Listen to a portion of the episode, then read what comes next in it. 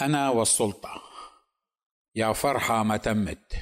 ما كان أسعد الشعب المصري لحظة سماعه الإعلان عن تنحي الرئيس السابق مبارك حتى ظل الشارع المصري يتحرك بأمواج من البشر تهتف وترقص وتغني وتكبر وتهنئ بعضها البعض لساعات طوال دون توقف. والسعادة والفرحة تملأ القلوب والوجوه والبيوت. وكأن جميع مشاكلنا كمصريين انتهت في لحظة دون رجوع. وطبيعي في مثل هذه الأوقات أن تبدأ الأحلام والتمنيات في الطفو على سطح الواقع وتطغى عليه حتى تغطيه بالكامل. فلا يستطيع أحد أن يراه أو حتى يفكر فيه. فيعيش المرء في حالة من إنكار الواقع جملة وتفصيلا. وكعادتنا كشعب عربي وخاصة مصري نقوم بالفعل ثم نفكر في تأثيره ومشاكله وعواقبه. تغلبنا مشاعرنا وعواطفنا أفراحنا وأحزاننا عصبيتنا وكبتنا. وفي النهاية انفجارنا فنتخذ القرارات في عجالة ثم نفيق على الواقع المخالف تماما لما كنا نظنه أو نتخيله من أحلام وأفكار. لا يدري مصدرها إلا العليم بكل شيء وحده من لا شريك له. وعندما يأتي الوقت الذي لابد لنا فيه من الاصطدام بالواقع نتأسف ونحبط ونكتئب ونفشل ونتهم الظروف والأيام والأحداث والناس جميعا من حولنا بأنها السبب في إخفاقنا وفشلنا في تحقيق تخيلاتنا التي لا تقف على أرض الواقع ولا تمت له بصلة. ونعيب زماننا والعيب فينا وما لزماننا عيب سوانا. ونردد الأمثال والحكم دون العمل بالحكمة المنطوية في كثير منها. ونمصمص شفاهنا قائلين يا فرحة ما تمت. ونبدأ في البكاء على اللبن المسكوب. ولا ننتبه إلى ما تبقى من اللبن الذي في طريقه أيضا للانسكاب. والمهم أننا نلتمس عشرات الأعذار والتبريرات لأنفسنا ونكيل مئات الاتهامات لغيرنا دون أن نعترف بأننا أخطأنا ونعتذر عن الخطأ ونتوب عنه ونطلب الصفح والعفو والغفران. ونطلب المساعدة من أهل الخبرة العارفين بالأزمنة والأوقات والدارسين للخلفيات والشخصيات والفاهمين بالأحداث والقضايا والمشكلات. فكما قال أحدهم إن أصعب كلمة على لسان البشر هي أخطأت فلم يقلها أبوان الأولان آدم وحواء ولم يعترفا بها للرحمن الرحيم يوم أن عصياه سبحانه في الجنة وصدقا غوايه الشيطان. ولم ينطق بها قايين الشرير يوم قام على هابيل أخيه وقتله لخلاف ديني بينهما وهكذا هي عادة البشر. ففي قمة الإثارة بمصير حكم الرئيس المخلوع وفرحة الشعب الغامرة وتخيلهم أنهم على وشك أن يكونوا أحرارا من كل طاغوت عات ظالم بدأت موقعة الجمل وإطلاق البلطجية على الشعب لإرهابهم وعقابهم للوقوف في وجه المخلوع وعائلته. فتحولت الفرحة إلى حزن والسلام والأمان إلى خوف والهدوء إلى غيظ وغضب. وقلنا يا فرحة ما تمت. ونزل الجيش إلى الشارع المصري وشمر عن ساعديه وبدأ في ضبط الأمور ولو جزئيا. ففرحنا وهللنا وقفز الشباب فوق الدبابات والمصفحات والمدرعات رافعين وملوحين بالأعلام وكأننا انتصرنا على إسرائيل وأخرجناها من ديارها. ورأينا في الجيش المفتاح السحري ومصباح علاء الدين. فجاءت أحداث ماسبيرو وداهمت المدرعات الشباب. ودهستهم تحت عجلاتها وبدأ ضباطنا الأحرار في توجيه رصاصاتهم لرؤوس وعيون أترابهم من الشباب المصري وتورط الجيش في مغازلة الإخوان المسلمين وأساء التصرف في كثير من المواقف وبدأنا الهتاف يسقط يسقط حكم العسكر ويا فرحه ما تمت. فقلنا لابد للعسكر أن يرحلوا ويعودوا إلى سكناتهم وأن يسلموا مقاليد الأمور لمجلس شعب جديد منتخب من بين أبناء هذا الشعب. ولا بد من تعديل الدستور القديم ليتناسب مع المرحلة الحالية. وتحمس الناس للاقتراع على تعديل الدستور. وفرحوا فرحا عظيما. فلأول مرة يطلب منهم الإدلاء بأصواتهم فيما يتعلق بالدستور. بطريقة جدية يشعرون فيها بأن أصواتهم لها قيمتها.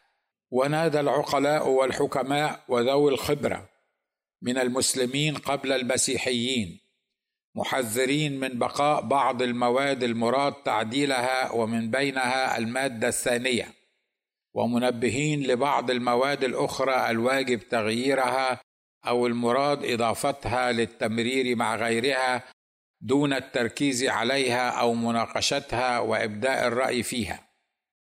هذه المواد المضافة أو قل المقحمة على الدستور ولم يسمع أحد وبدأت معركة الصناديق وحشد من لا علم لهم الجموع مستغلين الدين للوصول إلى مآربهم. وأقنعوا العامة والبسطاء والمغيبين من الشعب المصري وهم الغالبية العظمى من هذا الشعب المسكين المغلوب على أمره أن من يقل نعم للمادة الثانية فهو من أنصار الله وحزبه وإسلامه ومن قال لا فهو كافر من حزب النصارى والليبراليين أعداء الدين وأنصار الشيطان الرجيم وهم من المغضوب عليهم والضالين والخاسرين إلى أبد الآبدين يوم الدين. حيث لا ينفع مال ولا بنون. فالمادة الثانية من الدستور دونها الرقاب تسيل لأجلها الدماء ويموت فداءها الشهداء. وانتصر الإخوان والسلفيون في هذه المعركة وهللوا الله أكبر. وفرح البسطاء بالنصر المبين.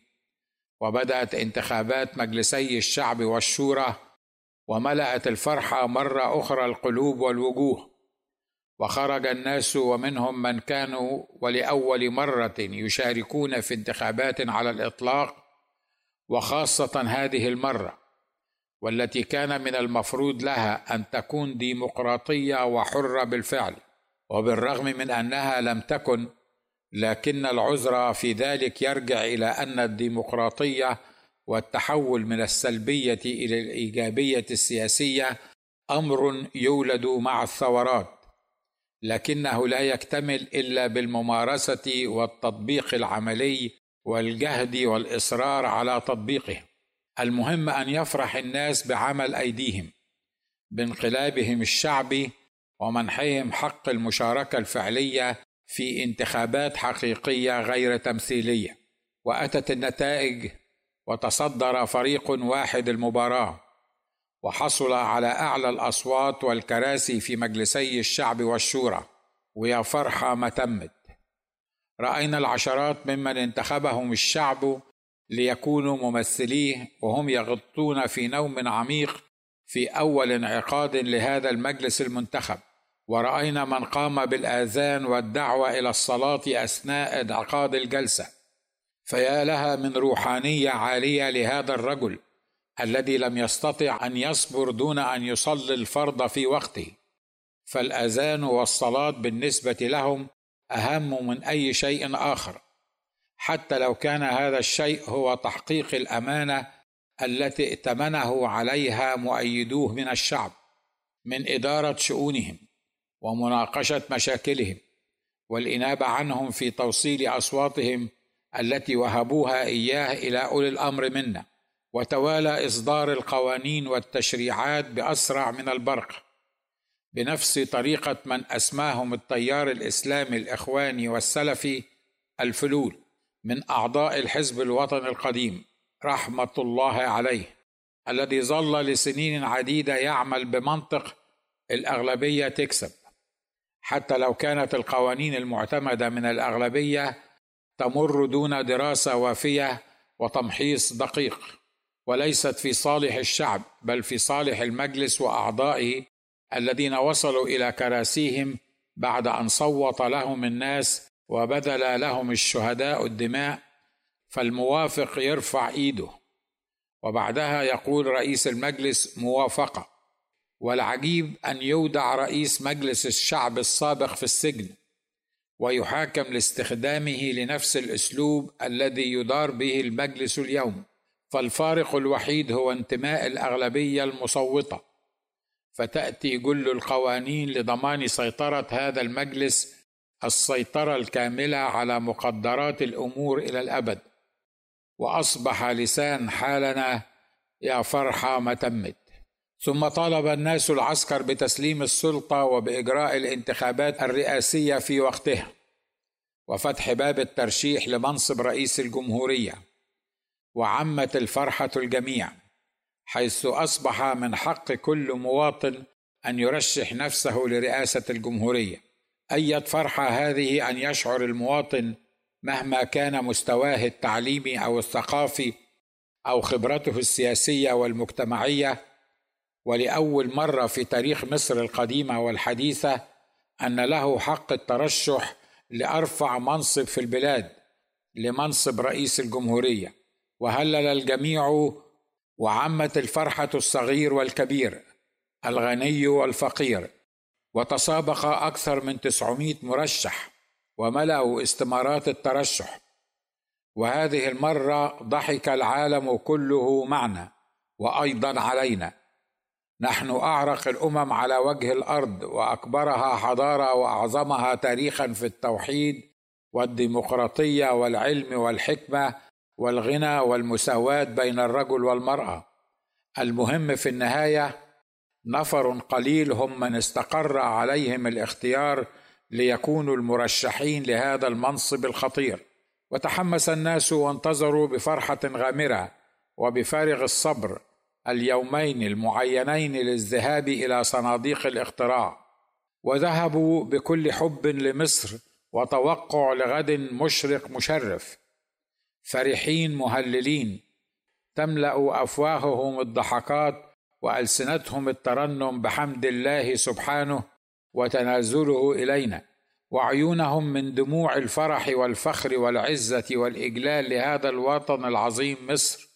وبالرغم من المعركة الحامية الوطيس التي شنها جل المرشحين بعضهم ضد بعض وتقسيمهم المرشحين إلى أنصار الإسلام السياسي والفلول والليبراليين وغيرها من التيارات إلا أنه في النهاية قد أصبح لنا كمصريين احترامنا الذاتي ومن حقنا أن نذهب إلى صناديق الاختراع وننتخب من نشاء وأصواتنا يعمل لها ألف حساب.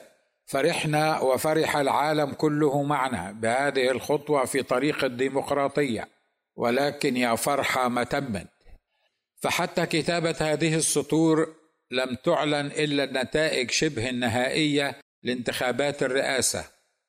وواضح أن الشعب المصري وبمحض اختياره وضع نفسه بين فكي كماشة الرئاسة بين فك الإخوان وفك الفلول مرسي وشفيق.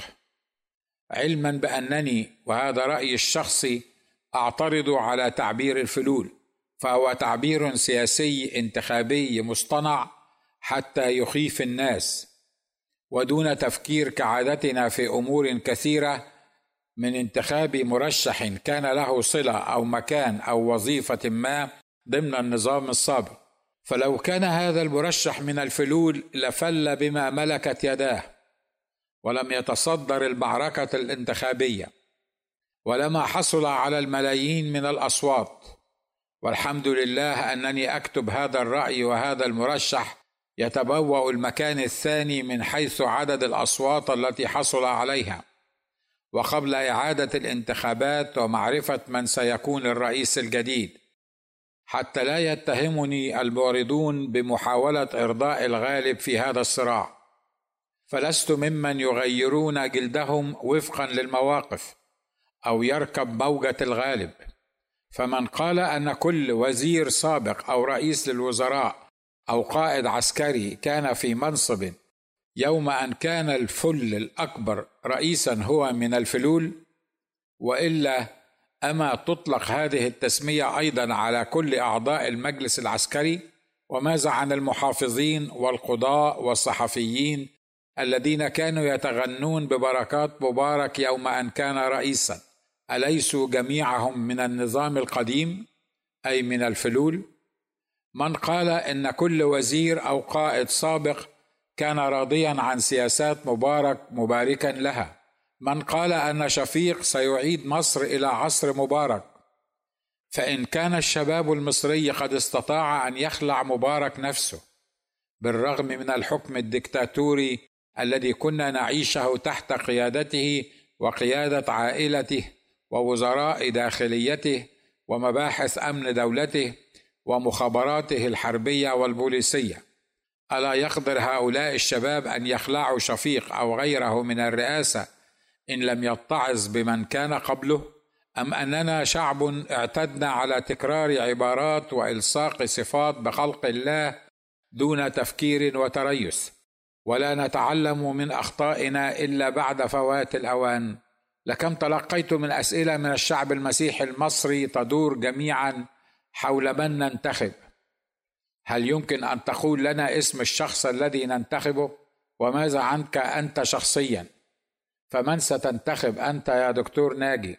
ومنهم من قال سننتخب من ستنتخبه أنت حتى لو لم يكن في حسباننا.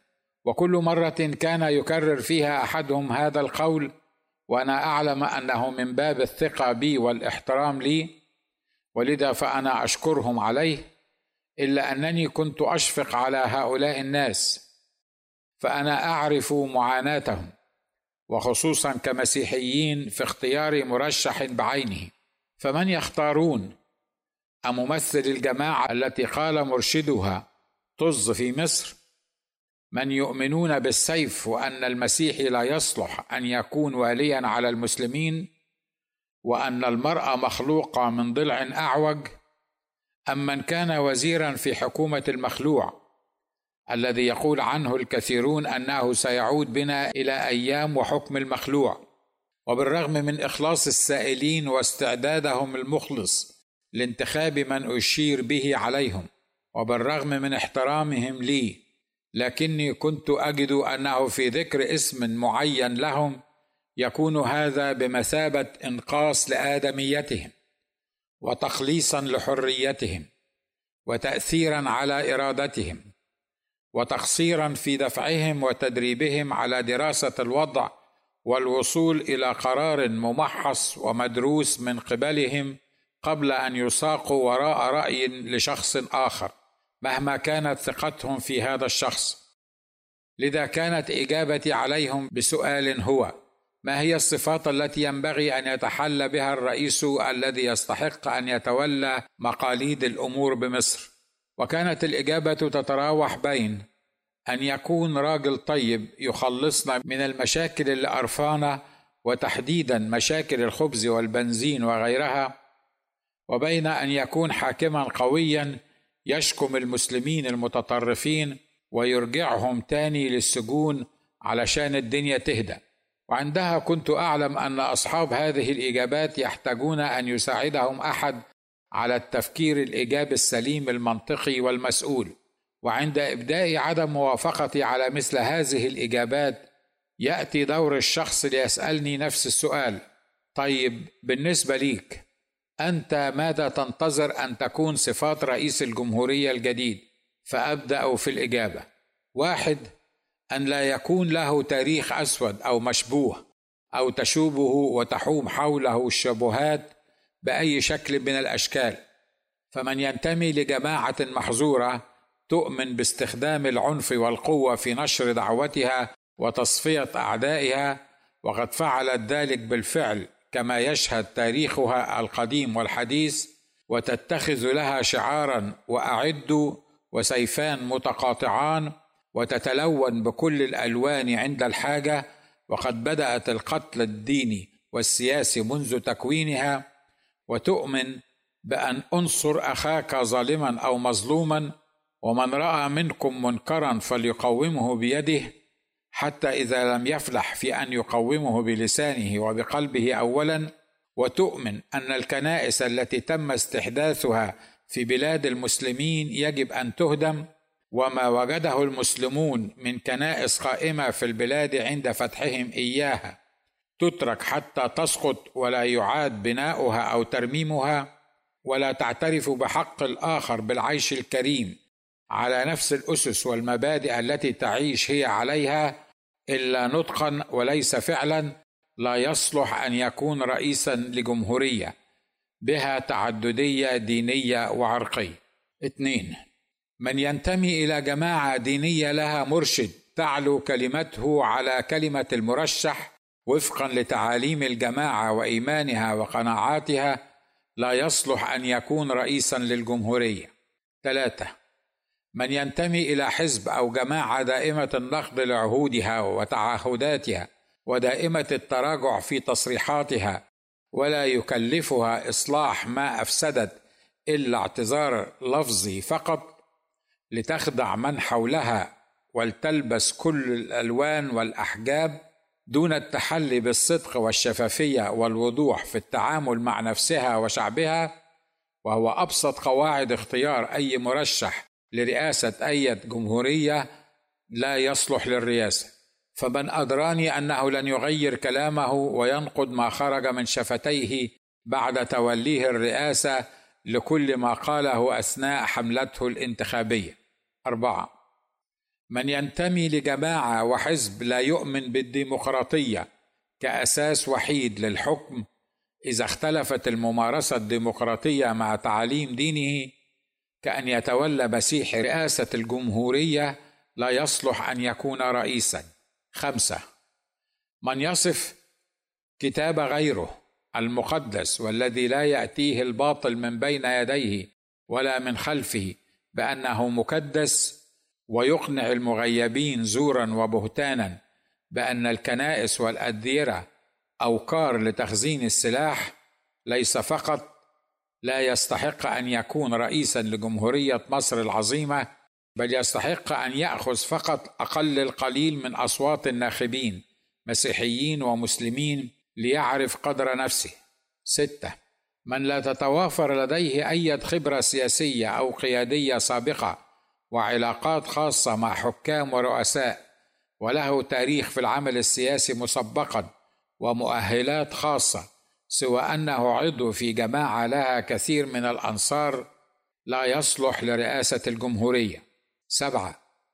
وعلى رئيس الجمهورية أن لا يخلط الدين بالسياسة مع وجوب أن يكون متدينا فلسنا بحاجة أن يحكمنا من لا دين له. لكنه كرئيس لابد له من التفرغ لقيادة البلاد والسهر على سياساتها وأن يترك كل ما يتعلق بالدين للعلماء والقادة الدينيين. فلدينا منهم الكثير ولدينا من فتاويهم ما ينوء بحمله الجبال. ثمانيه ليس ذلك فقط بل لابد لمن يستحق أن أعطيه صوت الانتخابي وأتشرف بأن أدعوه رئيسي ورئيس مصر العظمى أن يكون له تاريخ مشرف في الوقوف مع الحق ضد الباطل ووضع مصر اولا فوق كل اعتبار وارتباط حزبي أو ديني أو اجتماعي. تسعة. لابد أن يكون له برنامج محدد يتعهد بتنفيذه قبل انتخابه ويحققه بالفعل في فترة رئاسته بعد انتخابه. برنامج ليس فقط في إصلاح المفاسد والمشكلات سياسية واقتصادية ومجتمعية وغيرها بل في استرجاع مجد الأمة المصرية ورفع رؤوس أبنائها في العالم كله. عشرة أخيرا وليس آخر أن يعلم ويؤمن أن عصر الحكم البوليسي قد ولى عن مصر. ولن يسمح الشباب بعودته مرة أخرى ويؤمن أن وقت تحكم اللاعب الواحد في الملعب اليوم مضى. ولن يعود إلى الأبد وأن الكرسي لن يدوم. لكن شعب مصر العظيم هو الدائم الوحيد إلى قيام الساعة بأمر الدائم الأوحد إلى أبد الآبدين. والغالب بعد سماع محدثي كل هذه الأوصاف التي أريدها في رئيس مصر الغالية. ينهي السائل حديثه بالقول إحنا فرحنا وتخيلنا وكنا فاكرين إن الدنيا حوالينا هيتصلح حالها والأوضاع هتتعدل. لكن الواضح أن الواقع مختلف تماما عن التخيلات. هيه يا فرحة ما تمت.